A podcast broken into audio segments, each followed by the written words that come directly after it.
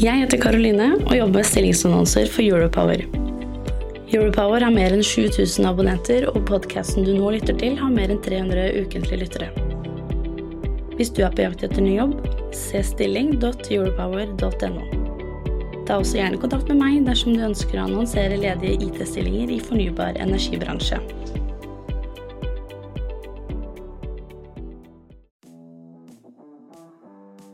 Du lytter til Teknologioptimistene fra Europower Partner.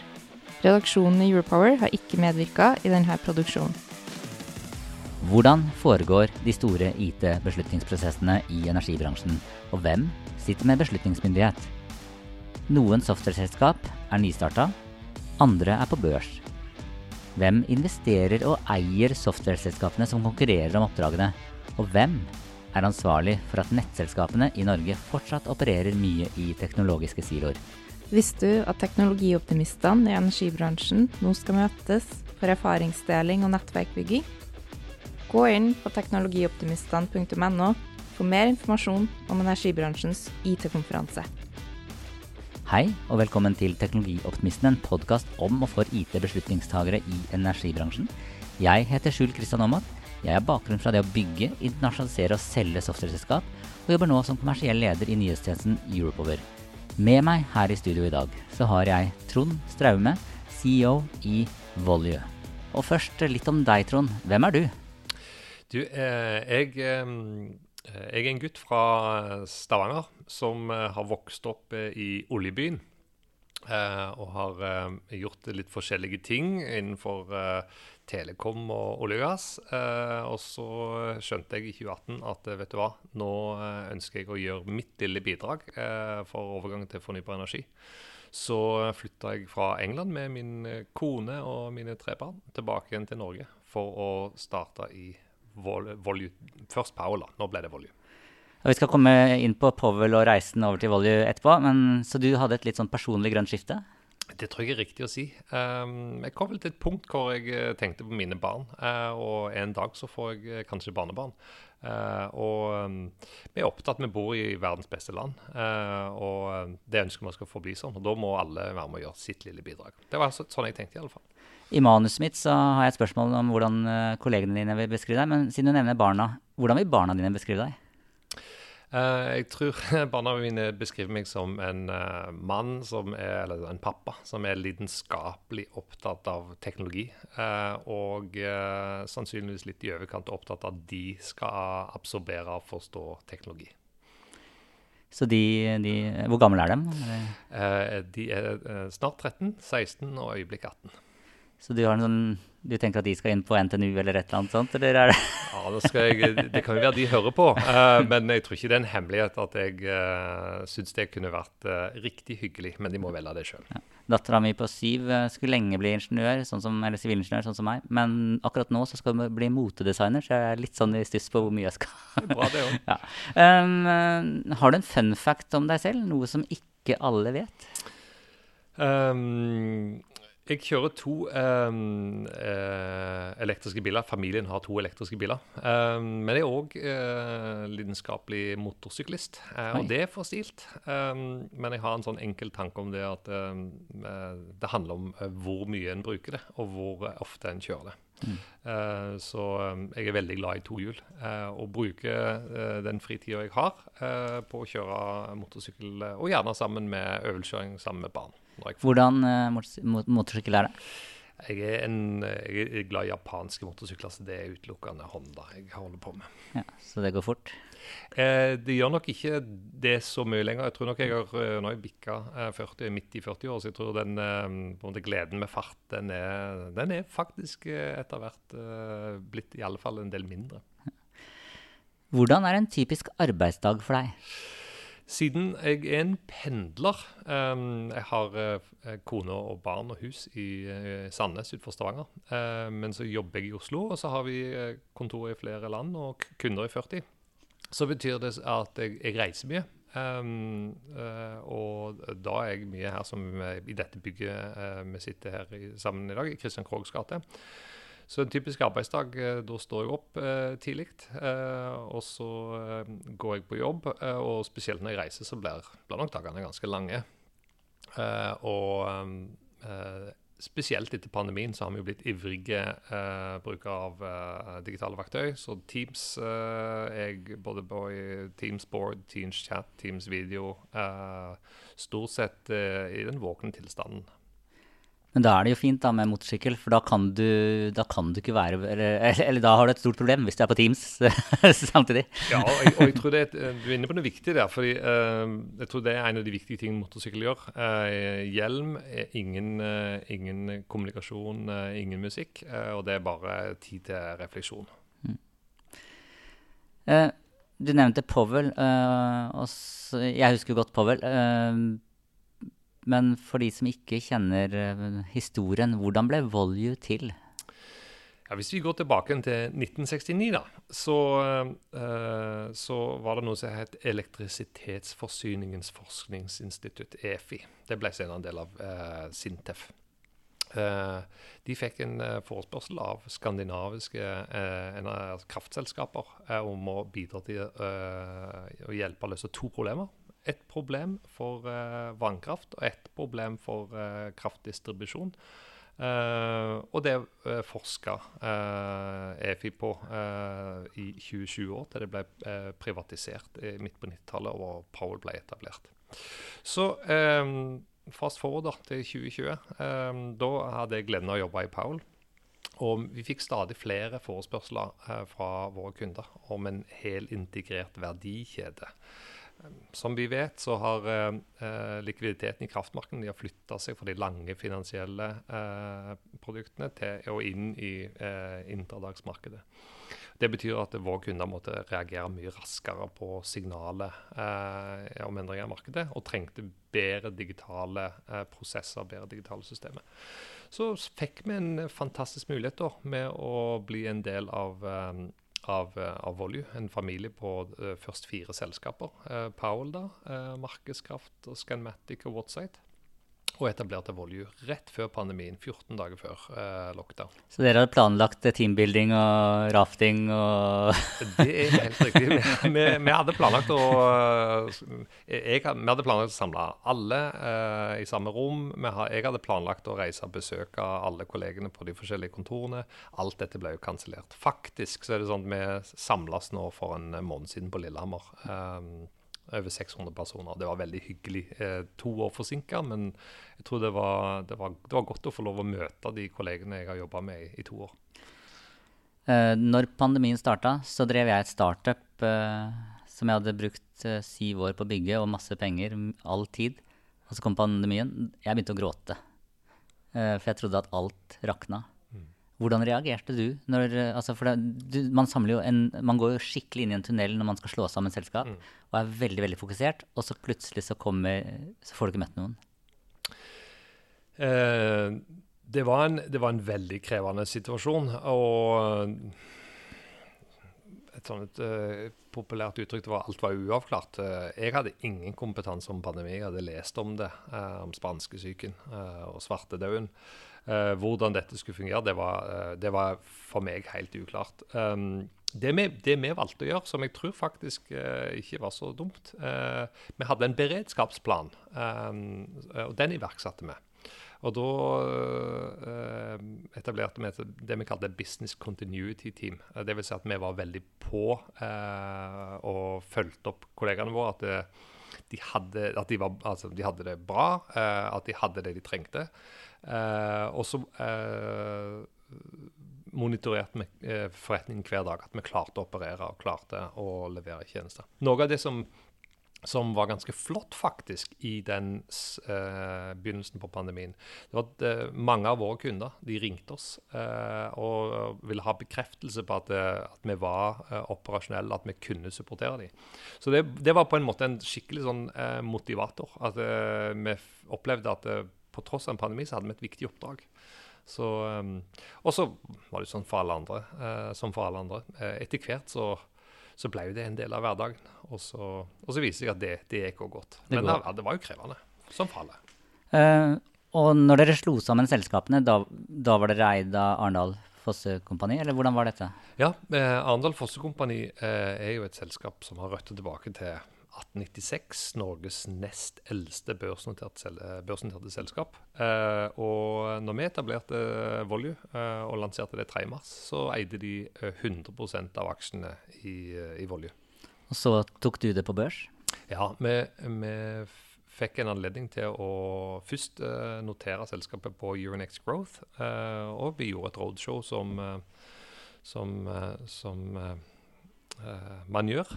og fikk bra investorinteresse. Jeg tror vi, var, vi hadde en, et spennende selskap i et spennende marked, og, og timingen var riktig.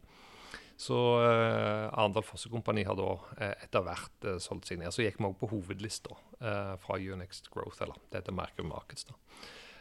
så nå eier de 60% av olje.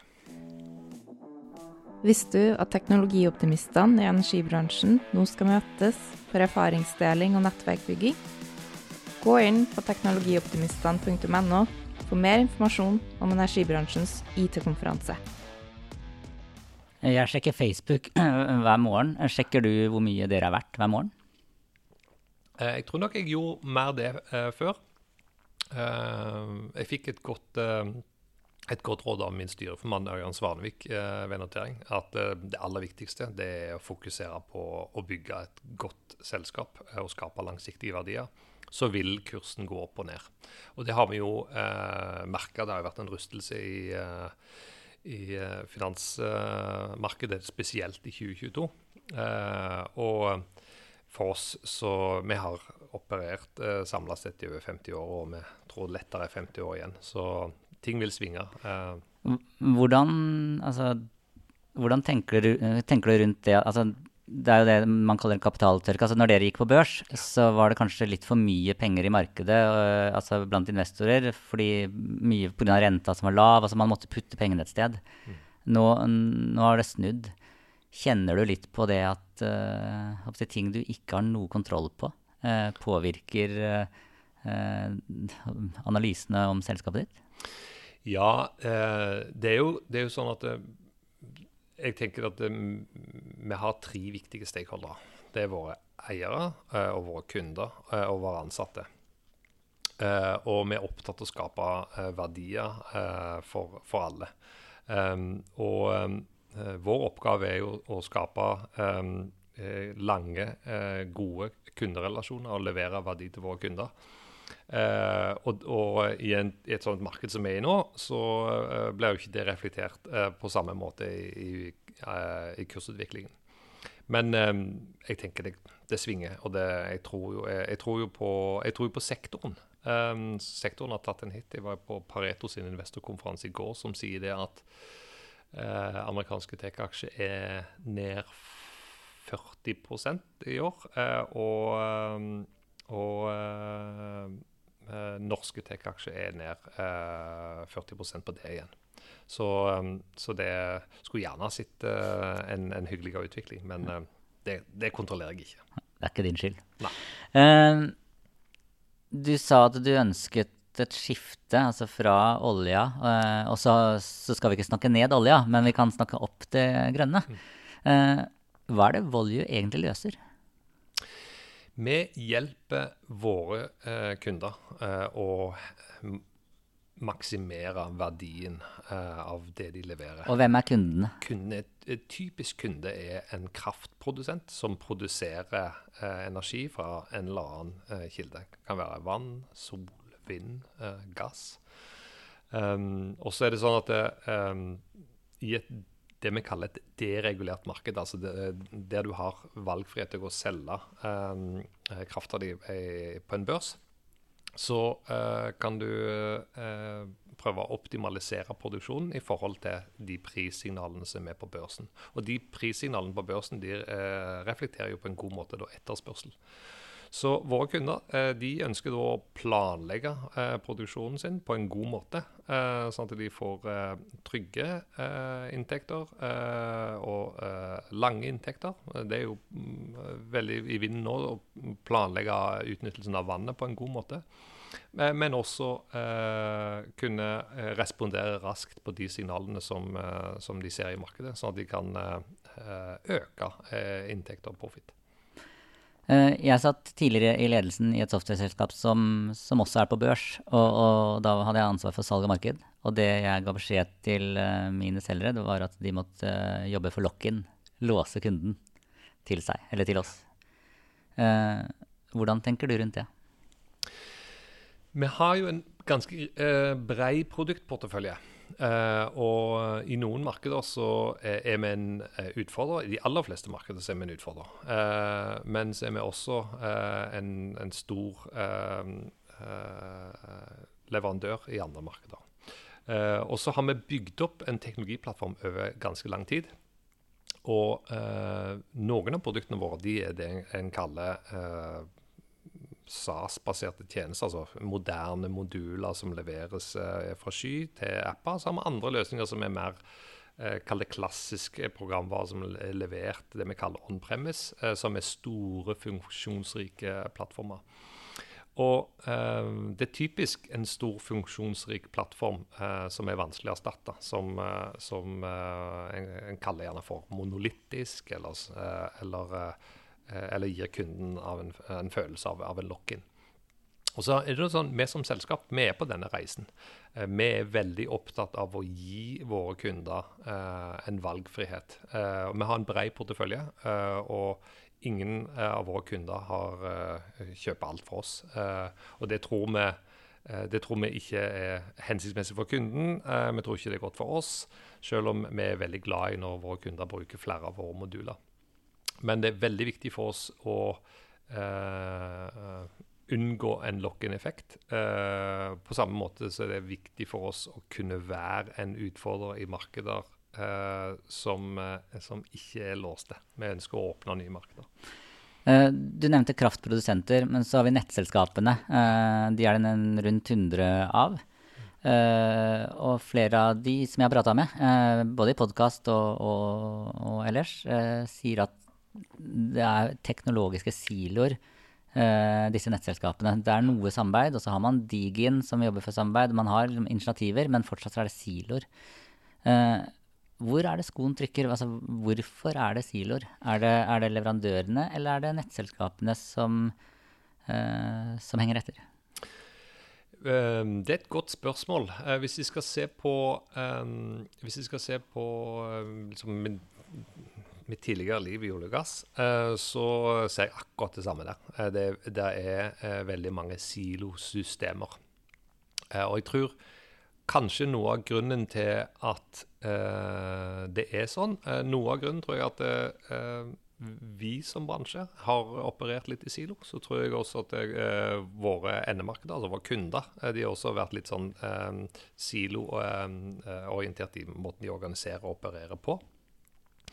Uh, og så uh, Underveis har det skjedd en rivende teknologisk utvikling som gjør det nå mulig uh, å integrere mer på tvers av funksjoner, forretningsområder og selskaper. Det er lettere å standardisere.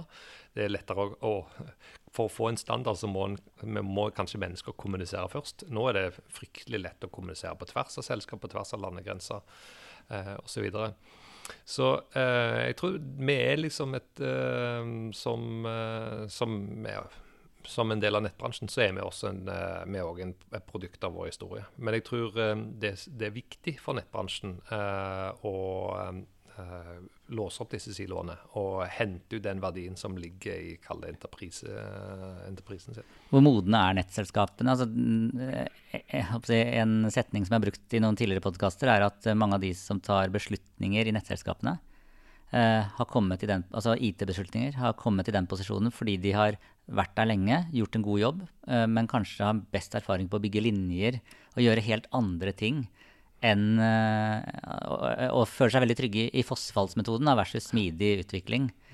Hvor modne er nettselskapene på software?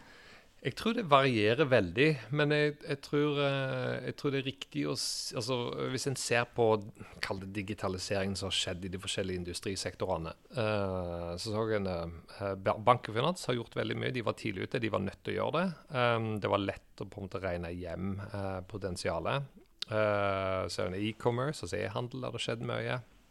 Uh, så tror jeg det er uh, riktig å si at olje- og gassbransjen og nettbransjen som to eksempler, de har, vært, de har nok vært på, på litt på etterskudd. Men for å svare på spørsmålet ditt om nettbransjen, så det jeg ser, det er et enormt taktskifte i nettbransjen.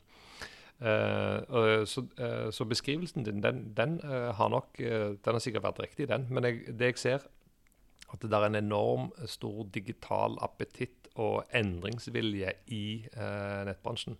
Og vi ser veldig mange gode eksempler på det her i, i Norden. jeg tror det er riktig å si at norske og nordiske nettselskaper er, er mer eh, kall det digitalt savvy, da, om du vil, eh, enn eh, lenger sørover i Europa og i andre land. Ja, og Det bringer meg over på spørsmålet, for nå sitter vi her i Norge. Eh, og så har vi prata om, eh, om, Vestlandet, der du kom fra. Men Volio har ambisjoner langt utover Norge. Eh, hva, det, hva, skal dere ta med ut i verden? Ja, Foreløpig vi, vi jobber innenfor tre områder. det er energi. det er typisk uh, målgruppe er kraftprodusenter og krafttradere. Uh, og så har vi et område som heter Power Grid, som er nettbransjen, om du vil. Og så har vi et uh, segment som heter infrastruktur. det er typisk entreprenørselskaper og um, vann- og avløpshåndtering. Software for det. Foreløpig har vi tatt ut energi. Uh, og Det var naturlig å gjøre det først, uh, fordi at uh, Norge var først ute med deregulering av kraftmarkedet. Nordpol oppsto. vi fikk et konkurransefortrinn og tatt det ut i Europa. Så nå 40% av alle som er aktive på europeiske kraftbørser, de er våre kunder. Så der har vi fått noe spennende til, og vi er på vei inn i Japan. Innenfor nettbransjen så er vi foreløpig bare til stede i Norden. Uh, og det er det neste uh, området vi ser for oss å, å ta ut. Uh, og da er vi opptatt av modellære løsninger. og vi er opptatt av løsninger som kan bidra til å også begrense nettutbygging. Altså alle digitale alternativer til bare å bygge nett, sånn som vi har gjort i Norge og for resten av verden de siste 100 år. Er du en teknologioptimist? Har du lyst til å utgjøre en forskjell i energibransjen? Gå inn på stilling.europower.no for å se ledige stillinger akkurat nå. Litt tilbake til uh, Norge. Uh, rundt 100 nettselskaper. Uh, Altfor mange, mener jeg. De fusjonerer. bra, mener jeg. og så har dere repeterende inntekter, altså annual recurring revenue, eller ja, ARR, som man sier i dette software-språket, per nettselskap, sikkert. Og så slår de seg sammen. Er det en mulighet eller en utfordring for dere at uh, to kunder blir til én når dere har repeterende inntekter hos dem? Begge deler. Um, Samla sett så uh, jeg, tror du, jeg, tror du, har rett. Det er et behov for en konsolidering i bransjen. Um, og uh, det um, skaper, skaper samla sett muligheter. Altså, for, som en leverandør uh, så er enhver endring det er en mulighet til fornyelse. Uh, og vi jobber sammen med uh, kunder som uh, ikke har slått seg sammen, og som har slått seg sammen. men hvis en ser på driverne bak en sammenslåing, så er det gjerne å forbedre noe. Og, og, mange ganger, veldig ofte, så får vi også en mulighet til å være med og forbedre oss. Slik at vi kan bli en bedre leverandør til de sammenslåtte selskapene. Og temaer som digitalisering, modularisering, skytjenester Eh, er typisk ting som eh, en sammenslått nettselskap er opptatt av. Så det syns vi er fint. Um, vi går snart inn for landing, men uh, først har jeg lyst til å forstå litt Dette er en podkast som vi sier at det er om og for IT-beslutningstagere. Så nevnte jeg på vei her en IT-beslutningstager som i hvert fall lytter til oss. Også i forrige episode så hadde jeg Martin Kjell Olsson fra Vergia, eh, som også eh, kom fra Arendal Fossekompani, som sa at han hadde lytta til alle episodene her. Så vi, vi vi prater for i hvert fall, i hvert fall to som lytter til oss, da. Eh, hvordan er din typiske, eller den typiske beslutningstakeren som sier ja, vi velger Volue? Den typiske beslutningstakeren som, eh, som uh, velger Volue, jeg tror den er litt sånn todelt. Um, det er litt det, det, kommer litt an på hva er det som er driveren bak, bak et valg. Ofte så er det eh, driveren eh, kan være en, driver å forbedre noe. Eh, et, for, et, forretningsparameter. Eh, eh, øke yield på eh, kraftproduksjon. da er det typisk en produksjonsplanlegger eller en trader. eller det kan være å forbedre en IT-arkitektur. øke, kall det reach, av tjenester for å gjøre arbeidsdagen til folk som er geografisk spredt, mer digital. Da kan det være eh, en CIO. Eh, men det er ikke noe sånn veldig sånn klart skille. Det handler litt om også hvilket mandat eh, de forskjellige personene i, rollene har. Men det er beslutningstaker i kraftselskapet eh, og nettselskapet typisk som er eh, våre, eh, våre kunder. to spørsmål igjen. Det ene altså Du fortalte litt om din reise fra olje til, til fornybart. Eh, hvorfor bør IT-folka søke seg mot energibransjen? Eller fornybar energibransje? Uh, og de tjener jo kanskje mye mer i olje? Ja, det der, jeg tror der, uh, Det kunne jo blitt en ny podkast. Men um, hvis jeg skal prøve å svare på det spørsmålet med de erfaringene jeg har fra folk som har valgt Volue, så ser jeg nok at mange av de som begynner hos oss, de er, er opptatt, opptatt, av å ha en, en link mellom hodet og magen. Eh, det, og det er et teknologivalg, og så er det også et litt verdivalg. Eh, bransjen er jo i sterk endring. Eh, vi jobber med eh, det som ja, i mitt hode er uh, et av de viktigste problemene vi som menneskehet faktisk skal, uh, skal uh, løse. Altså overgang til fornybar energi. Og hvis en ser på det grønne skiftet, så handler det grønne skiftet i stor grad om elektrifisering. Eh, og det å eh, komme til denne bransjen eh, og jobbe eh, med eh, elektrifisering og jobbe med kall det uavhengighet til fossil energi, det er eh, Du får både store teknologiske utfordringer som du kan jobbe med, samtidig så får du jobbe med noe som er større eh, enn en sjøl, og større enn selskapet en jobber i. Eh, men et av de store eh, spørsmålene som vi som menneskehet skal løse mot 2050 f.eks. Da, Trond Straume, CEO i Volue, har jeg brukt 30 minutter cirka på å gå rundt grøten før det aller viktigste spørsmålet. Og det er min første datamaskin var en Amiga 500. Hva var din første datamaskin? Commodore 64. Og da oppfølgingsspørsmål eh, diskettstasjon eller eh, kassettspiller? Først kassettspiller, så diskettstasjon. Da vil jeg si tusen takk til deg, Trond Straume, for at du tok deg tiden til å være med her i denne podkastserien som heter Teknologioptimistene. Eh, tusen takk til deg som lytter til uh, denne podkasten.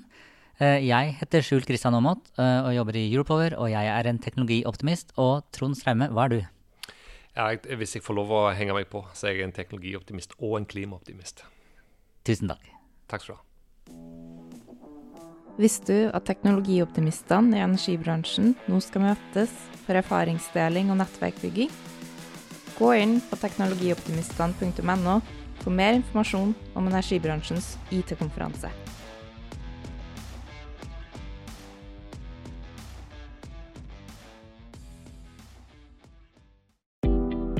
Jeg heter Karoline og jobber med stillingsannonser for Europower.